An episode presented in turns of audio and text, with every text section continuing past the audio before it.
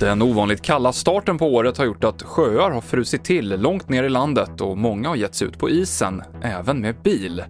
Men efter flera olyckor så manar nu polisen i Bergslagen till stor försiktighet. På ett sätt är det bra att folk eh, tar tillfället i akt och övar lite halkkörning och sånt men man måste ju hålla koll på eh, att det är verkligen säkert ur alla aspekter att ge sig ut. En sjö är ju sån att en is kan ju vara jättetjock på sina ställen och även om man är jätteseriös och med sig en isborr och borrar och man hittar en halv meter tjock is så kan det ju vara bara några hundra meter bort kanske inte någon is alls, bara någon skorpa. Det sa Lars Hedelin på polisen. Och Bottenviken är sedan igår helt istäckt för första gången på två år, skriver SMHI.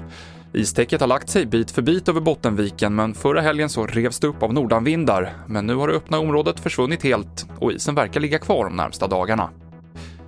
Och en dansk Facebookgrupp som uppmanade folk att bryta mot restriktioner har stängts av Facebook eftersom den bröt mot reglerna, det skriver BT.